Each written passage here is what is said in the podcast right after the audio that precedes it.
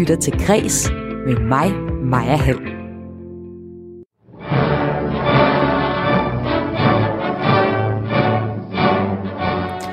Tiger King Nyt, en anmeldelse af kød og blod og en dansk-italiensk disco-guru. Udover dagens nyhedshistorie får du også historien om de myter, der skaber os, om hvordan den her tyske propagandafilm fra det gamle Nazi-Tyskland og det her disco-hit Xanadu.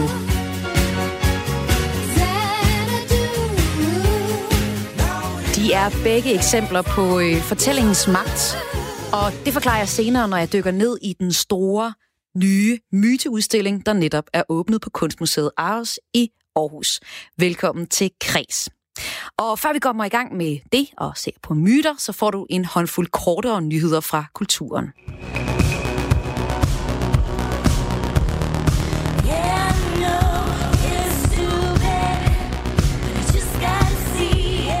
Det ser øh, lyst ud for åbningen af Danmark, men øh, sort ud for os koncertjunkier.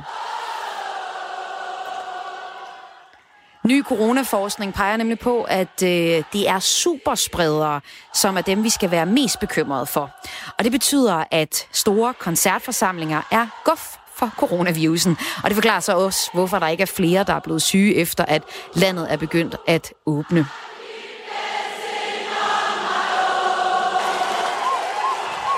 I'm just gonna dance all night. Lige nu der står øh, forbud mod, at øh, store forsamlinger bliver ja, samlet til at udløbe 1. september, men ifølge to eksperter burde det forlænges i hvert fald året ud, skriver Jyllandsposten. En af årsagerne er, at øh, det kun er 10 procent af de smittede med corona, der står for 80 procent af spredningen. Og når de her superspredere, som de altså kalder dem, ikke får adgang til store arrangementer, for eksempel stadionkoncerter her med Robin på Roskilde, og festivaler, så holdes spredningen nede. Professor ved øh, Niels Bohr Instituttet, Kim Sneppen, han siger til Jyllandsposten, at koncerter burde aflyses, Altså sådan hele året ud. Og det giver mørke udsigter, siger sekretariatchef i Dansk Live, Esben Marcher til Kulturmonitor. Oh, jeg synes, det er hårdt. Op og op ad bakke. Musikbranchen lukker ned i respekt for sorte menneskers rettigheder. White people, this is your daily reminder that as long as you stay silent, you are a part of the problem. I know you're not racist, but you have to be more than that. You have to be anti-racist. Speak up. Hvide mennesker, det her er jeres daglige påmindelse om, at så længe I er stille, så er I en del af problemet problemet. Jeg ved, du ikke er racist, men du bliver nødt til at være mere end det. Du skal være anti-racist. Sådan lyder det i en Instagram-besked fra popdronningen Lizzo. I do my feeling?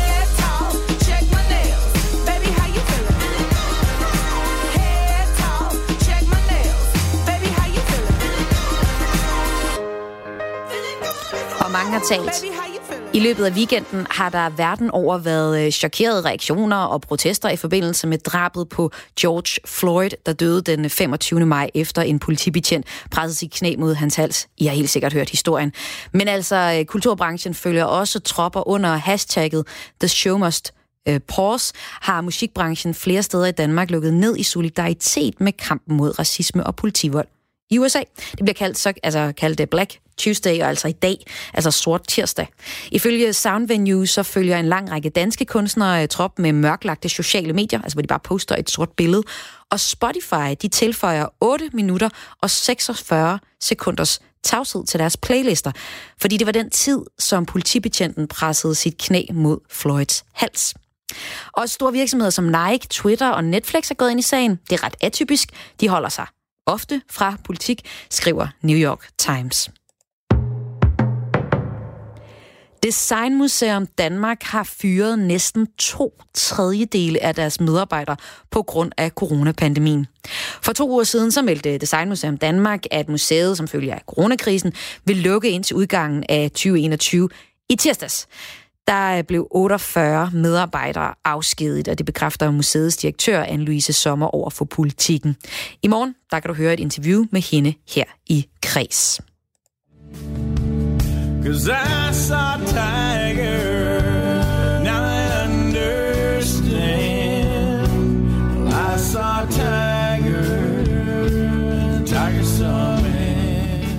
Så er der nyt i øh, Tiger King-historien. Ærkerivalen Carrie Baskin overtager Netflix-stjernen Joe Exotics Tiger Park, eller Tiger Park. Det har en domstol afgjort, øh, skriver nyhedsbyrået DPA. Til de, der har fulgt med i dokumentaren, så ved I, at det er nok det værste, der kunne ske for Joe Exotic. Og til jer, der ikke har set den her dokumentarserie, gør det. Netflix-serien øh, Tiger King skildrer Joe Exotics liv som ejer af en privat zoologisk have, primært med vilde, store katte i den amerikanske delstat øh, Oklahoma. Undervejs i serien, så kommer der mega mange beskyldninger mod Joe Exotic, som handler om dyremishandling og ja, primært dyrmishandling i alle mulige grimme øh, versioner. Og det kommer fra, han, øh, fra dyrerettighedsforkæmperen Carol Baskin. Og nu har domstolen så afgjort, at Carol Baskin kan overtage Tierparken som led i en sag om krænkelse af hendes varemærke.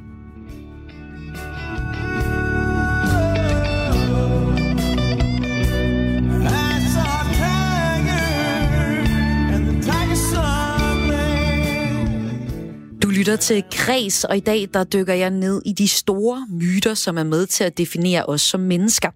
Altså det gælder jo alle steder. Bare når du ser en superheltefilm, så er den baseret på sådan, ja, store myter om ja, fra græsk mytologi for eksempel.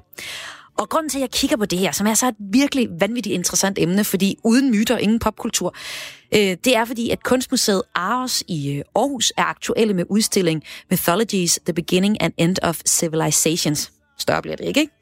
Udstillingen, den, øh, der peger øh, fortællingens skabende kraft gennem 150 forskellige værker på forskellige etager i Ars. Og øh, for at vi ikke skal fare helt vildt imellem alle billederne, så har vi her i Kreds valgt at fokusere på et par enkelte af værkerne. Og dem kan du blive introduceret til nu. Selve udstillingen peger på alt fra øh, religiøse til politiske fortællinger. Det forklarer museuminspektør Jakob Vingberg Sivel. Det er en udstilling, som handler om det at fortælle historier. Det handler om de samfundsfortællinger, som vi gennem tiden har skabt, og som har indrammet vores tilværelse. Det er fortællinger, som spænder fra religiøse fortællinger til politiske fortællinger og til filosofiske fortællinger, og som øh, har som sagt dannet grobund for de øh, samfundsstrukturer, som øh, vi til hver en tid har levet under. Og nu kan man sådan høre svagt i baggrunden, at der er lidt musik. Hvad er det for noget, vi lytter til, mens vi går rundt her? Det er faktisk Lene Riefenstahls Triumf der Vilde, som jo er øh, den her film, hun laver til ære for Hitler og det nazistiske parti. Og det viser også meget godt spændet i udstillingen. Vi kommer ind her i udstillingen og ser et øh, maleri af oversvømmelsen af, øh, af Søndfloden, som er lavet i den engelske romantik, og så kan man i baggrunden høre, som sagt, den her øh, nazistiske propagandafilm, der kører. Og det fortæller meget godt om de mange forskellige former, som mytologier har haft. Mytologi er ikke bare religiøse fortællinger, men det er jo også øh, samfundsfortællinger. Det er fortællingen, det er nationale fortællinger, det er øh, politiske fortællinger, det er alle de rammefortællinger, vi har skabt for de samfund, vi har levet i. Og du har lovet mange, at vi skal se på tre værker i dag, som øh, på en eller anden måde fortæller tre forskellige historier om, hvad det er for en udstilling. Og hvad er den første, vi skal hen og se? Det første, vi skal se, det er som sagt det her store søndfodsmaleri. Wow, det er godt nok kæmpestort. Vil du ikke bare lige starte med at beskrive, hvad det er, vi kan se her på billedet? Jo, det er et maleri, som sagt, af den engelske romantiker Francis Stanby. Og når vi, man kommer hen til billedet, så ser man med det samme, at der er tale om et øh, vældig stort maleri.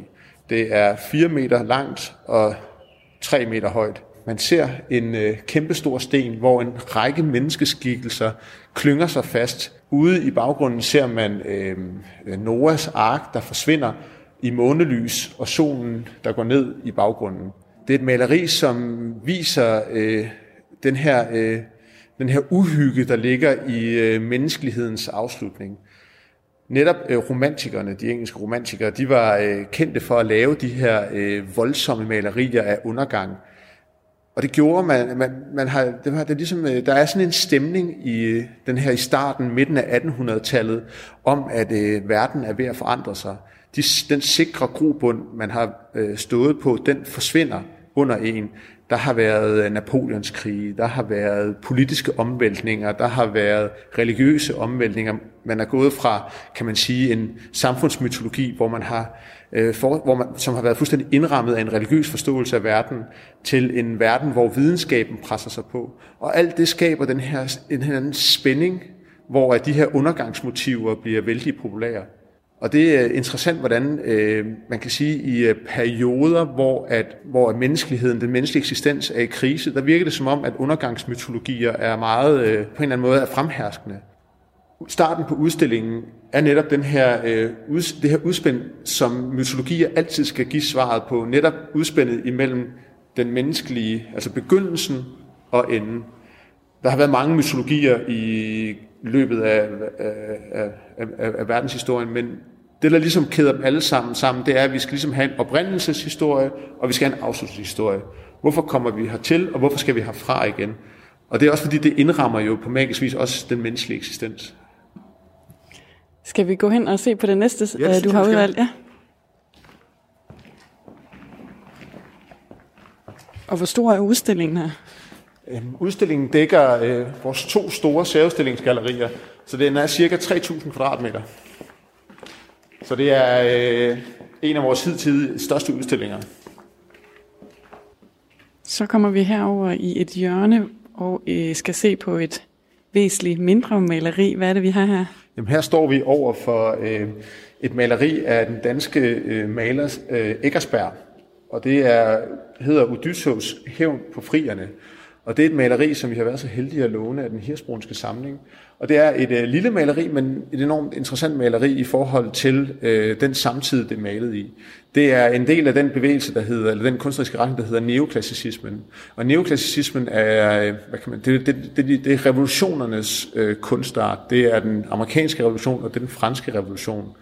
De vender, øh, begge de her revolutioner ønsker kunst, som øh, afspejler den politiske, politiske ideologi, som øh, begge stater ønsker at, øh, og, øh, og ligesom at materialisere ude i virkeligheden. Og det er netop en tilbagevendelse til nogle af de her idealer, der lå i den græske bystat, og de her tidlige eksperimenter med demokrati, som man kan finde her.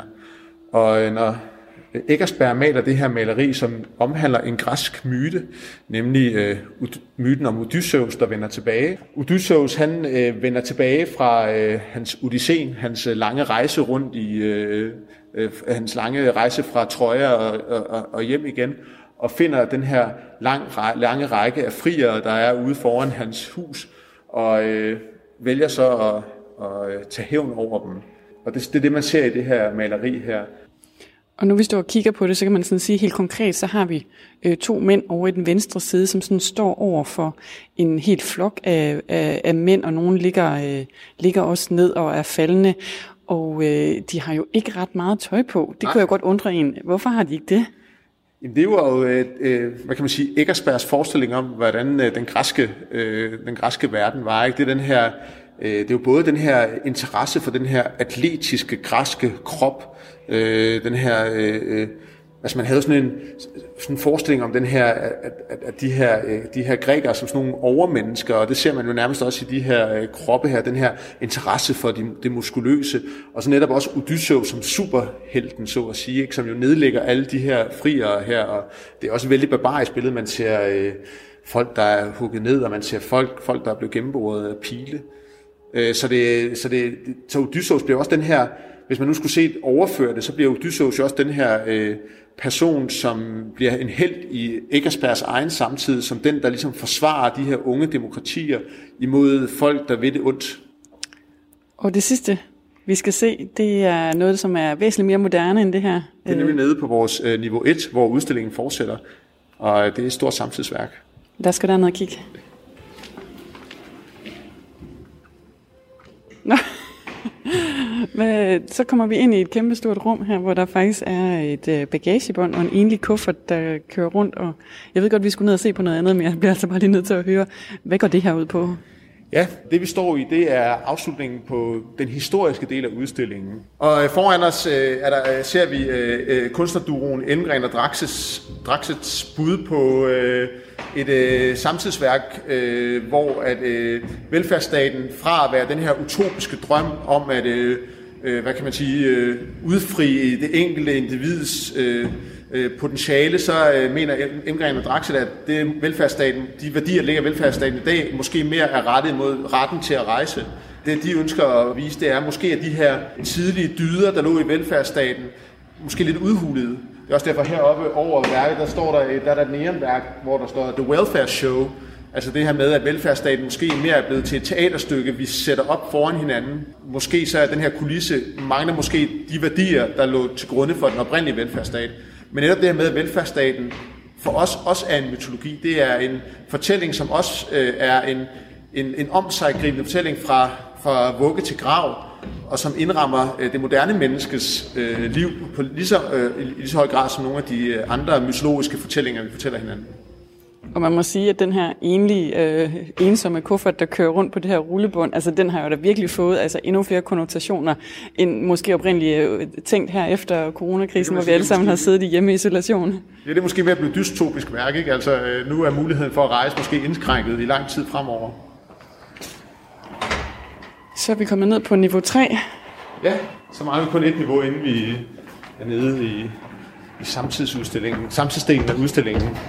Vi kommer ind i øh, installationen, øh, og på vores øh, højre side kan vi se øh, Bush, øh, George W. Bush, som øh, er i gang med at øh, erklære øh, krig imod terrorisme, og i hele taget erklære krig imod øh, alt, hvad der ligesom er uamerikansk. Og øh, efterfølgende så øh, går øh, disco-sangen Xanadu i gang,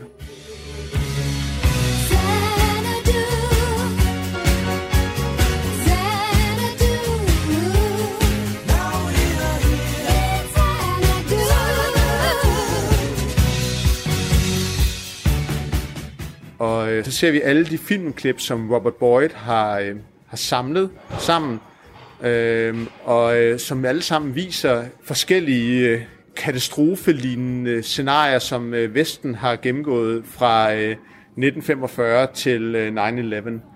Og man kan sige, at, øh, at værket, øh, værket har en parallel til den måde, man kom ind i udstillingen på niveau 5, den klassiske del af udstillingen, hvor vi, man også kom ind på øh, en katastrofe, en, et undergangsværk netop det her øh, romantiske maleri, hvor vi ser syndfloden og menneskets undergang.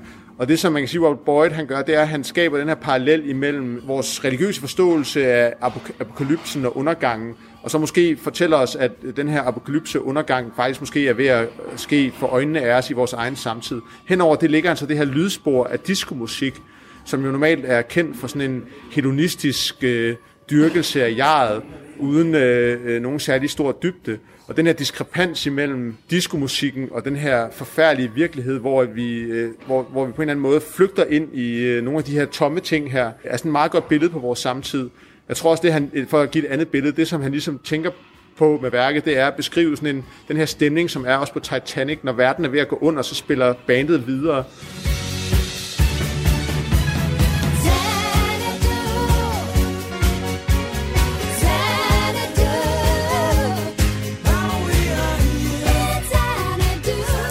Var min kollega Line Grønborg Poulsen, der besøgte øh, Kunstmuseet Ars og talte med museumsinspektør Jakob Wengberg Sevil, som øh, lige nu har, han har kurateret den her udstilling Mythologies and the Beginning and End of Civilization, som er anledning til, at vi kigger på øh, myter i programmet i dag, og jeg vender tilbage til emnet senere i programmet.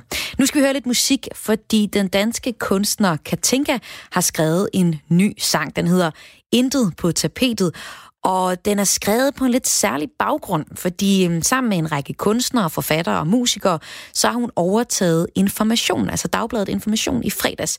Og det gjorde hun i øh, særavisen Utopier om verden efter pandemien. Jeg vil gerne fortælle lidt mere om det her projekt, altså den her særavis, men lad os først høre Katinka Intet på tapetet.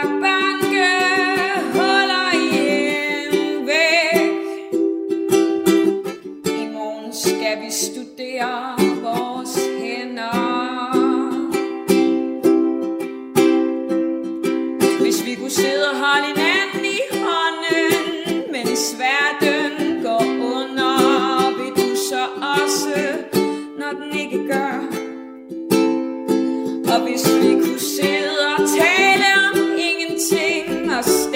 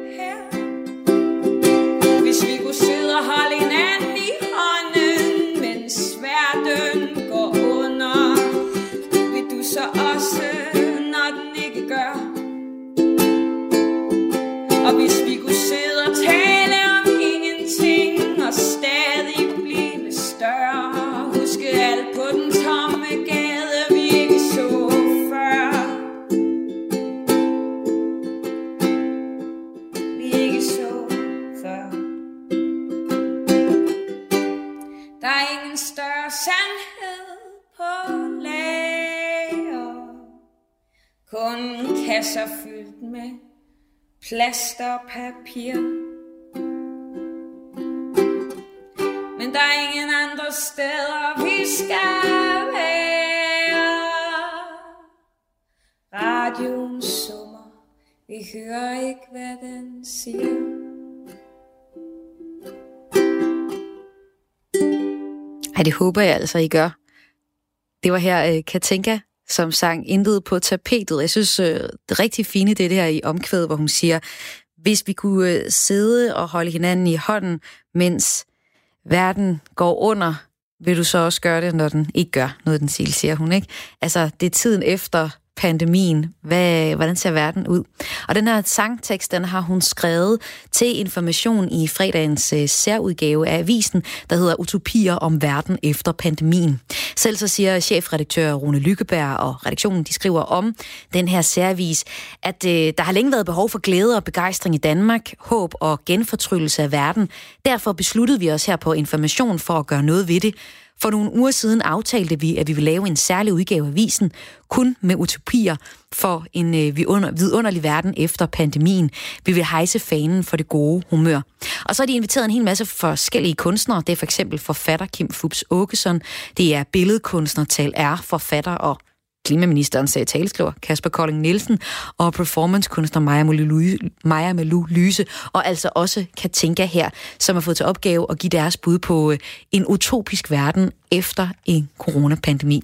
Gå ind på Informations øh, hjemmeside og læs mere om projektet, eller se nogle af de her kunstværker. Der er virkelig nogle fine iblandt. Du lytter til Græs med mig, Maja Hall. Og nu vender jeg tilbage til myter i kunsten, for øh, i dag ser jeg nærmere på, hvordan, hvordan fortællinger gennem tiden har været med til at definere os og vores popkultur. Kunstmuseet Aarhus i Aarhus er nemlig aktuel med udstillingen Mythologies, The Beginning and End of Civilizations. Men øh, nu skal vi ikke kun tale om fortællingens kraft. Vi øh, skal også høre en fortælling, og derfor skal jeg nu byde velkommen til dig, Vika Bro. Velkommen til. Tak skal du have. Du er skuespiller, og så er du for historiefortæller, og det kan man allerede høre bare på dit tak skal du have, at det, det kan vi godt glæde os til. Vika, hvad er det for en uh, fortælling, du har med til os i dag? Jamen, øh, jeg har gerne vil fortælle en grønlandsk myte, fordi jeg er meget betaget af, hvad de kan finde på at fortælle deroppe, og hvad de har kunnet finde på at fortælle, for det er dybe historier. Altså ligesom vi har så mange græske myter, der virkelig fortæller os noget, og som kan blive ved at gå igennem tiden, øh, år for år og årtusind for årtusind, så øh, har grønlænderne også sådan nogle myter. De er virkelig dybe. Jamen, øh, vi kan bruge... Øh, lad os da bare høre historien her. En grønlandsk mytisk kærlighedshistorie, jeg har fået ud, det er. Og vi kan, jeg lader simpelthen mikrofonen være din, men så skal du lige love mig at tale lige ind i mikrofonen, så går din stemme, og den er virkelig god. Lige rigtig godt ud til, til alle lytterne derude. Men vi kan bruge, værsgo, fortæl. Tak skal du have. Øh, jeg plejer at sige, at, øh, at øh, historier de vandrer bedre end mennesker over grænser. Det er meget nemmere at forstå 1001 nats eventyr end en mand ved siden af i opgangen, der har er nukafarvet i hovedet og har for stort overskæg, synes vi. Og sådan er det, vi, vi forstår hinanden meget igennem vores historie. Men en gang imellem er der nogle kulturelle forskelle, man lige skal forklare. Og øh, for eksempel op i Grønland, der har de et meget anderledes forhold til skeletter, end vi har. For vi, vi er så bange for skeletter, det, det er noget med døden og sådan, og det er det ikke deroppe. Skelettet er det inderste, det er egentlig menneskets dybe personlighed. Det er, når man kommer ind til den inderste kerne. Det er ikke hjertet, som vi har det. Hjertet er den store tromme, og egentlig øh, også det, som trommen, den store rammetrumme symboliserer og sådan noget. Nå, men når nu I ved det her, så kan I bedre forstå den her historie. Der var engang en ung pige oppe i Grønland, og hun var smuk. Hun havde det der sorte, blanke hår, helt glat, og små sprækker til øjne, som små fisk, der bare hvilede der på kindbenene. Og de, de slog smut. Og så havde hun tænder som perlemor. Hun var meget ung. Hun var i den alder, hvor man går og lever i sine drømme. Og hendes mor sagde, okay, hun har altid hovedet op i himlen. Men det synes drengene var dejligt. Og det kunne hende, der var en, der stoppede op og stod længere fedtede med det ved siden af hende, og endelig sagde, skulle vi ikke være kærester? Og hun ville se på den og sige, Nå, det havde jeg ikke lige tænkt på. Og så ville hun drømme videre. Men så en aften, så kom der to fremmede til familiens hus og bankede på døren og spurgte, om de måtte være der for natten, fordi der var koldt udenfor. Og jo, det må de da gerne, og de kom ind. Men lige inden de lagde sig til at sove, så hørte pigen, at de talte med hinanden på et andet og et fremmed sprog. Og den næste dag, så vidste hun, hvad hun ville. Hun gik efter dem ud af døren, uden at se sig tilbage, uden at forklare noget for nogen. Hun fulgte efter dem. Hun gik, hun gik, hun gik. Ja, hun næsten løb, fordi de gik så hurtigt. Og det opdagede de. Og så gik de ned på siden af hende og tog hende i hænderne. Og så gik de og gik de og gik de og gik de. Eller det vil sige, hun synes ikke, hun gik. Hun synes, hun fløj. Og så hun gik der, og hun så på dem. Først på den ene, og så på den anden, og den ene igen. Og så tænkte hun, er de mennesker? Eller er de måske bjørne? Og de gik, og de gik, og de gik, og de gik, og de gik. De gik helt til de kom til isens rand. Og der stoppede de op, og de så ned i det mørke vand. Og så gled de ned i det. Og så gik de på havets bund. Og det var dernede, hvor det var så mørkt og så sort, så de slet ikke kunne se hinanden. Og de gik, og de gik. Men lidt efter, så gik pigen alene. Og lidt efter, så var hun ikke alene, for der var rigtig mange små havdyr, der fulgte hende. Og de små havdyr, de nippede lidt af hende, og de nippede lidt mere, og lidt mere, og lidt mere. Og til sidst, så var der ikke noget som helst tilbage af en andet end et skelet. Hun gik, og hun gik, og hun gik ned i mørk. Et meget smukt skelet gik der på havets bund. Men nu begyndte det at gå opad, og det lysnede, og det blev lysere og lysere og lysere, og til sidst dukkede hun op af havet og gik i land. Og nu var der et meget, meget smukt skelet, der gik på landet. Ikke langt fra, hvor hun var kommet op, der var der en lille forsamling af huse, og øh, det var ikke særlig mange, men, men hun var så træt, og hun var så sulten og så kold.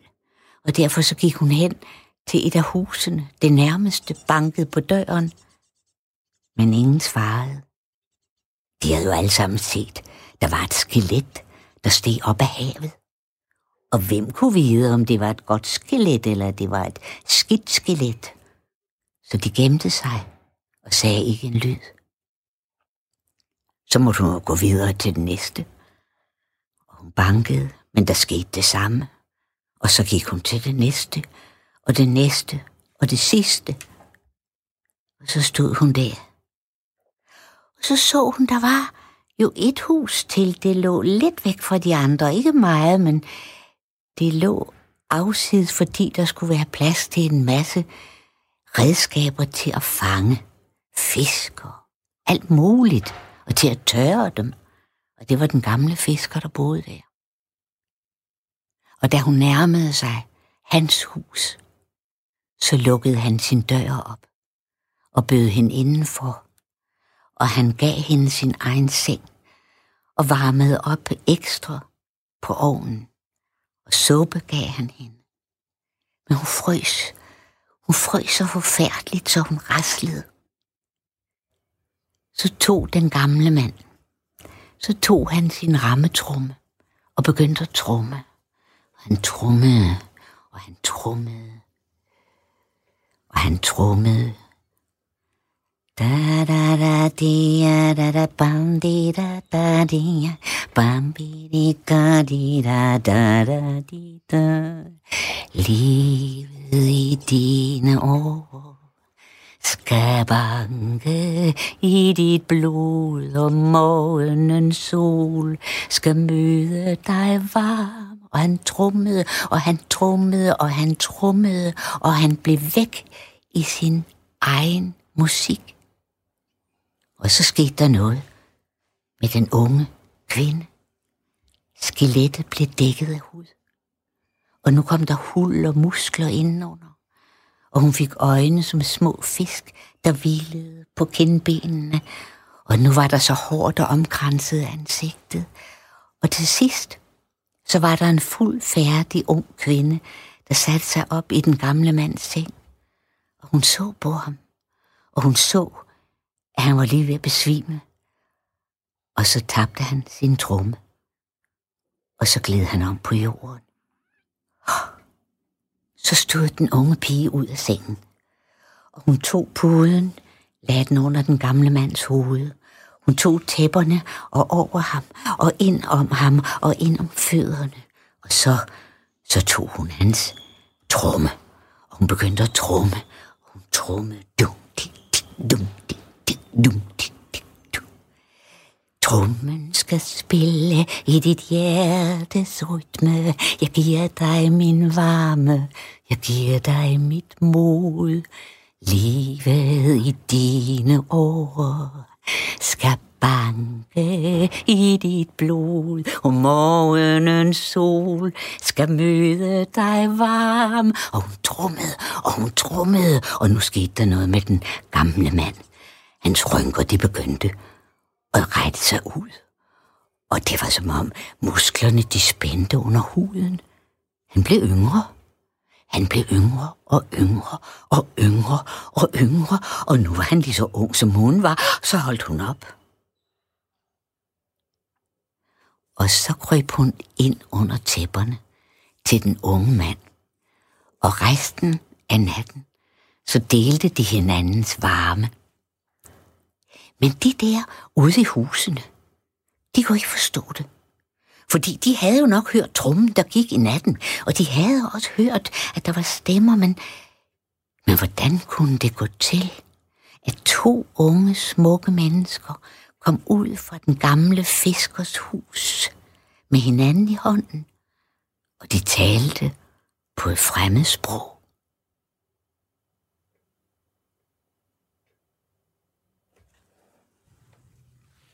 Vika Bro, skuespiller og historiefortæller. Tusind tak for den her øh, grønlandske, mytiske kærlighedshistorie. Jamen, selv tak da. Helt kort her til sidst. Hvad tænker du selv, at øh, den her historie kan bruges til i dag? Jamen, den fortæller jo, at der langt op i det kolde, kolde Grønland, der ved de noget om, at, at med mindre du kommer til at holde af eller have omsorg for det menneskes inderste, for, som du kan lide eller forelsker dig i. Altså før det der, det rimer med bare forelskelsen, så bliver det rigtig kærlighed. Og så kan den vare uendelig længe. Tusind tak, øh, fordi du var med her. Altså, øh, vi kan bruge skuespiller og historiefortæller, som gav os en grønlandsk myte her i programmet, hvor vi taler om myter i forbindelse med Aarhus' nye udstilling om emnet. Tak fordi du var med. Selv tak. For mange penge hos svømme. Det er utålmodighed. Hvad nu, hvis han ikke har pengene? Først jeg har snakket lidt med børnene, så plejer der at ske noget. Altså, hvorfor tror du, at din mor flyttede væk fra dem? Da coronapandemien tvangslukkede alle biografer, skulle filmen Kød og Blod have haft premiere. I torsdags så fik filmen endelig, og som den første siden genåbningen, premiere. Derfor valgte jeg den som ugens kreds. En øh, ugenlig kulturoplevelse, som jeg synes lyder særlig spændende, og så får jeg en øh, lytter til at anmelde den. Og øh, Kød og Blod, den vil du gerne ind og anmelde, Christina Jo Svensson. Velkommen til. Tak skal du have. Du øh, stud- har studeret kulturformidling og er vild med kulturoplevelser. Lad mig lige først høre, hvordan var det egentlig endelig at kunne gå i biografen igen? Altså, det føltes jo næsten lidt forbudt, Ja. øh, at måtte øh, være indenfor og sammen med folk, som man ikke normalt øh, omgås med. Øh, men altså, der var super styr på tingene med håndsprit over det hele, så, altså, så det var en tryg oplevelse. Vi sad I sådan på hver anden sæde, eller hvordan? Jamen, det gjorde vi faktisk ikke. Øh, vi havde ikke fået nogen instruktioner om det. Øh, det havde jeg måske lidt forventet.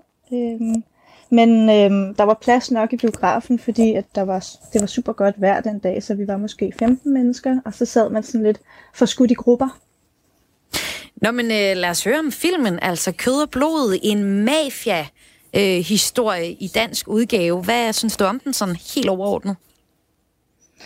Øhm, altså helt overordnet, så synes jeg, at øh, altså, det var sådan lidt forfriskende at se sådan et tema, øh, som du selv siger, i dansk kontekst. Øhm, og jeg synes, det var nogle rigtig fine skuespilspræstationer. Med Sisse Øh, Babette særligt, Knudsen øh, blandt andet. Ja. Ja, med Sisse Babette, og jeg synes også særligt Sandra Guldberg øh, gør det rigtig godt, øh, som jeg ikke har oplevet før.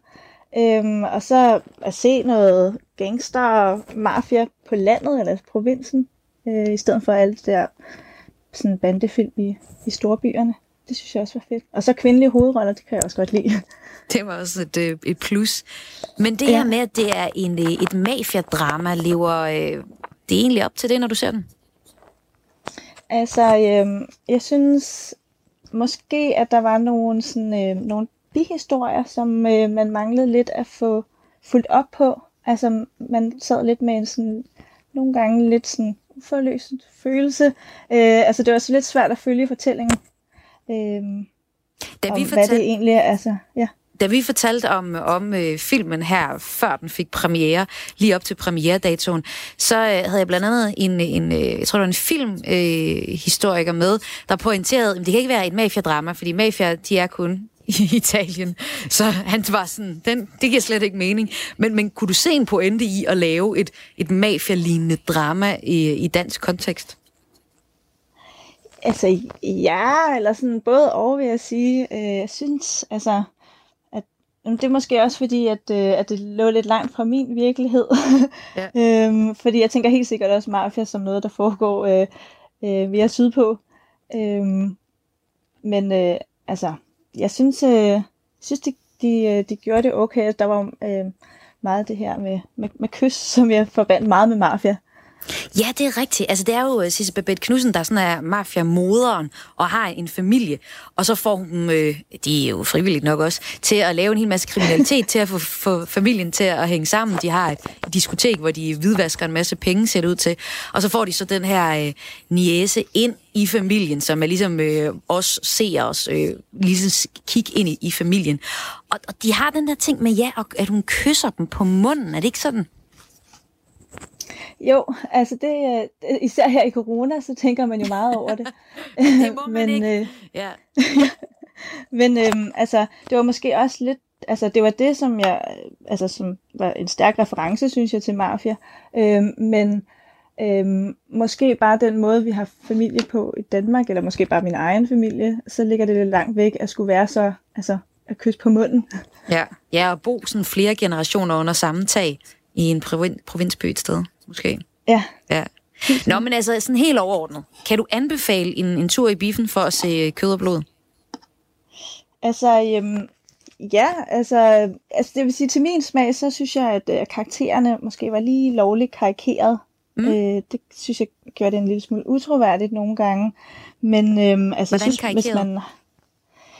Øh, ja, altså, de blev sådan... Jeg, jeg synes, at skuespillet var godt, men øhm, men sådan, ja, hvordan skal man forklare det, at, øhm, at det var meget tydeligt, at sådan, så var der bossen, og så var der den mm. underdanige, og så var der, altså, ja.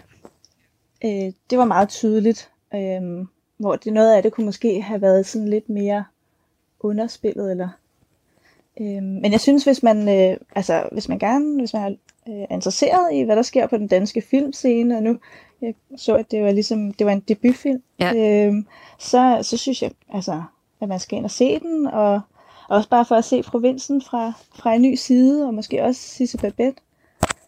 Helt sikkert. Jamen uh, tak, Christina Jo Svensson fra København, der var anmelder her i uh, ugens kreds. Så tak. Er du også kulturhungerne og måske særligt som mig koncerthungerne, så er ugens kreds i den her uge måske noget for dig. Særligt hvis du ovenikøbet er fan af ham her.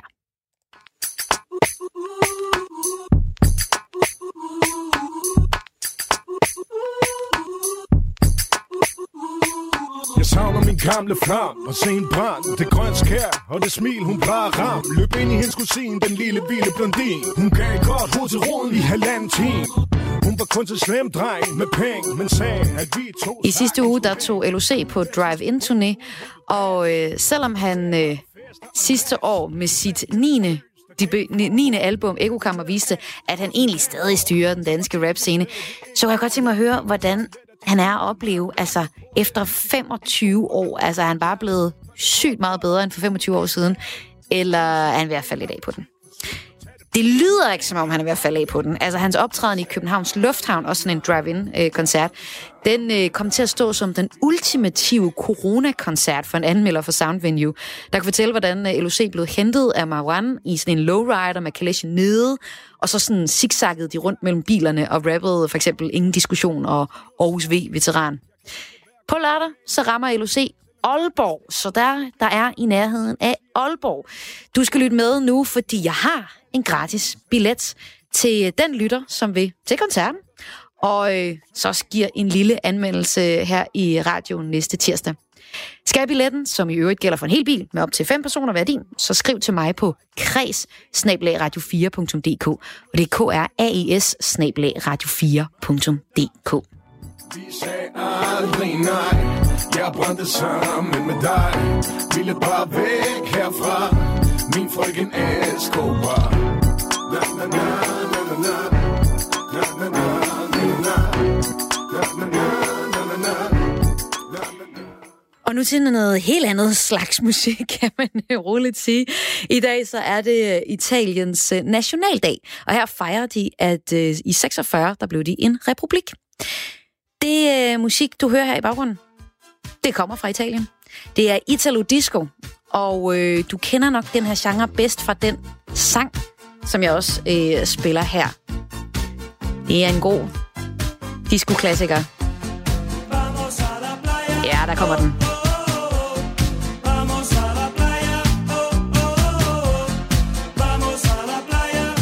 Og øh, i Danmark, der har vi en mand, der har verdens største pladesamling af Italo Disco. Og øh, inden for Italo Disco-kulturen, så er han faktisk øh, en guru.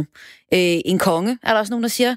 Selv så er han lidt mere tilbageholdende, og da vi besøgte ham for at høre om musikgenren, som ændrede elektronisk musik for altid, så var det ikke sådan, så var han ikke sådan, uh, ja, jeg er kongen af det hele. Men øh, hør ham her. Det er jo ikke noget, jeg selv har higet efter at blive en guru eller en konge. Jeg har bare higet af at dele ud af min passion. Mit navn er Flemming Dalum. Jeg er 56 år gammel og født og opvokset her i Aarhus. For hardcore samler, kollektor, nørder, eller hvad vi skal kalde det, og for mig, der er Italo Disco, det er italiensk musik, der er lavet i Italien af italienere og udgivet på et italiensk selskab. Færdig arbejde. Jeg startede jo egentlig bare med en interesse i 80'erne for det, og det har jeg så holdt ved nu i, i 40 år. Og jeg har også lige hørt et tysk interview i går med nogle tyskere, jeg arbejder sammen med, der også beskrev mig som guru inden for feltet, eller kongen. Øh, Så det er jo selvfølgelig meget flatterende at høre sådan nogen.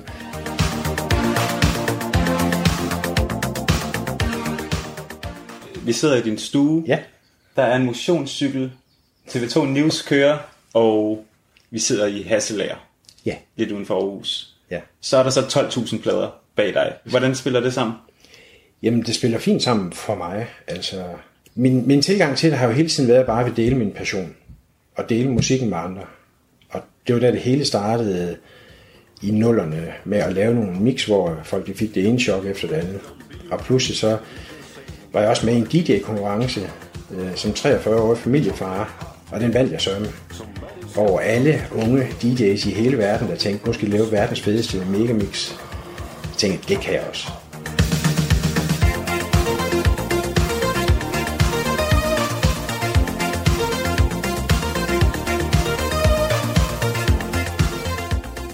Og så den bevægelse i, i, i mit liv har så gjort, at, at jeg kendte flere og flere og flere, og pludselig sagde, vil du ikke lave et edit af det her? Der er lige en guitar solo, der skal fjernes fint, eller et længere intro.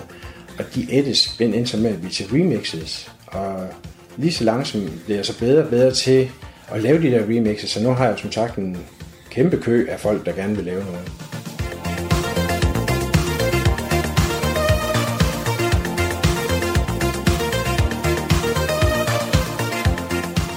Hvad er det, der er specielt så ved Italo Disco? Hvordan adskiller den sig? Mm. Jamen det adskiller sig lidt med, at de her italienere havde kortere produktionstid, var lidt mere fandenivoldske og havde en lidt mere bold attitude og gav den fuld skrue på de her synthesizer.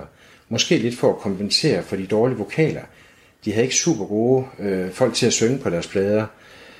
Og det var måske også det, der fangede mig i sin tid, at det var ikke super velproduceret, velpoleret amerikansk-engelsk pop. Nej, der var en attitude, der var en kant på det her, der gjorde en forskel, der virkelig ramte mig i hjertet. Så jeg, what, hvad sker der her?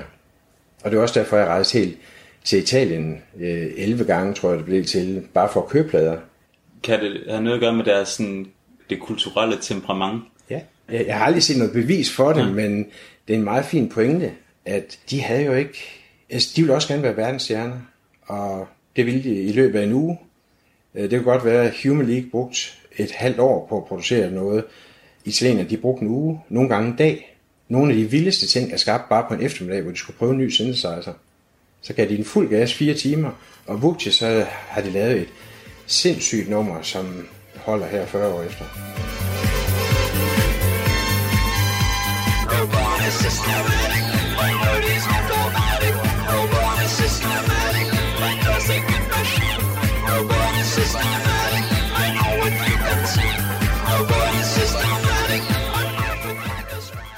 Der er jo de her tre temaer, og det er jo kærlighed, klassisk jo, men så er det robotter og rummet. Ja. Hvad går det ud på? Uden at skulle lave en dybtgående analyse af det, at det kommer så lidt i tiden også, hvor at Star Wars havde succes, og der kom også andre mindre succesfulde rumfilm. Der kom Dune med David Lynch i 83, så, så det lå lidt i kulturen, at pludselig var det muligt med filmeffekter at kunne lave nogle rumfilm. Og det smed også af i musikken. Hvorfor er det, at man ikke kunne lave en Italo-disco-sang om naturen og skovene og bjergene? Igen, så var der sådan nogle trends, der styrede øh, det er ubevidst dengang. Blandt andet det her med rumskibene og filmene, der var øh, rumfilmene, der kom, Star Wars og så videre. Og, og nogle af de diskoteker, jeg har været på, de kørte også i den retning med et, et rumskib, der kom op af gulvet. Øh, fuldstændig sindssygt. Altså, det er jo slet ikke noget, man ser i dag. Øh, og det er jo måske også det, der har gjort, at jeg har passionen her 40 år efter. Jeg har oplevet i Rimini på et diskotek, der hedder L'Alto Mondo Studios, altså den anden verdens studier. I sig selv er navnet jo fuldstændig sindssygt. Øh, det var vi i hvert fald i hvert fald i svime over dengang.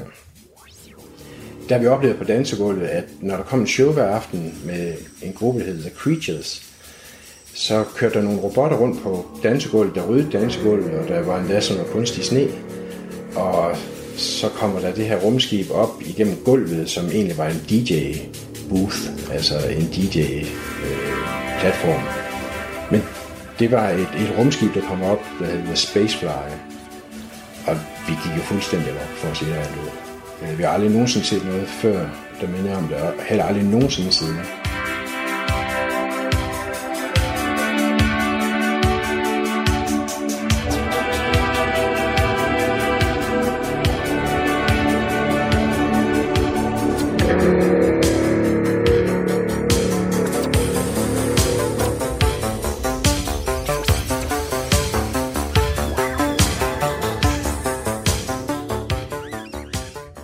Men var det ikke plat? Eller, altså sådan, kunne man... Vi synes, det var vildt fedt. Der er jo sindssygt meget dårlig Italo-disco Ja. musik. Altså sådan størstedelen af alt Italo-disco, ja. kan jeg forstå egentlig bare er nærmest skrammel. Ja. Hvordan adskiller man, altså hvad er dårlig Italo-disco, og hvordan, hvornår er det, det bliver godt? Jeg tror igen, så går der lidt selvsving i branchen dernede, at der var nogen, der så, at de største havde succes med noget, og det vil sige pizzaejere og alle mulige andre mærkelige også begyndte at lave deres ting, øh, hvor man kommer mere over i noget italiensk pop, øh, men, men, men det bliver ikke en ret god blanding. Så du har ret, der er virkelig en kæmpe forskel, og jeg sorterede tusindvis af plader fra dengang. Nu nævnte du pizzaejere og lavet musik. Ja, altså, alle det jo- mulige mærkelige. Altså så alle må jo have lavet Italo-disco, og alle må have udgivet det på en eller anden... Jeg tror rigtig mange vil have, have en del af branchen der, og det betyder også, at alle diskoteker, de skulle have deres egen plade. Øh, Og det var så også lige før pizzaejerne, de gik så langt. Jeg vil gerne lige tage på eventyr i din pladesamling. Hvis vi lige rejser os op, og så går hen til det. Ja. Det var det pokker, så jeg ikke lige kan finde den anden der. Hvordan har du... Øh, De står desværre hulter til bulter. Gør de det? Ja. Så det står 12.000 plader ja. hulter til bulter, som du lidt prøver at huske på, hvor står. Nej, det var pokker, så jeg ikke lige kunne finde den anden der. Hvad skal man sige? Det er jo, det er jo 10 gange øh, 2 meter, din øh, pladesamling er. Og, men så bliver den lige brudt op af din computer. Ja. Må jeg lige se, øh, altså, må jeg se det program, som det er? Computerprogrammet? Ja. ja. Jeg har fået et, kælenavn af King of the Cut, øh, fordi jeg virkelig kan klippe tingene op. Der er jo sådan 30-40 spor, der er moslet sammen. Jeg kan se, der ligger alle mulige spor her. Her kan I høre. Her kan I høre.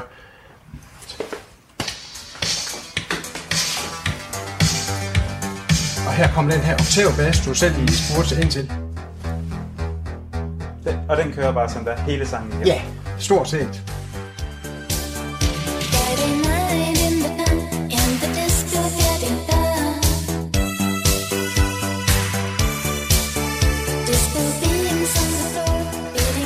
fortalte her Flemming Dalum til min kollega Anders Vore.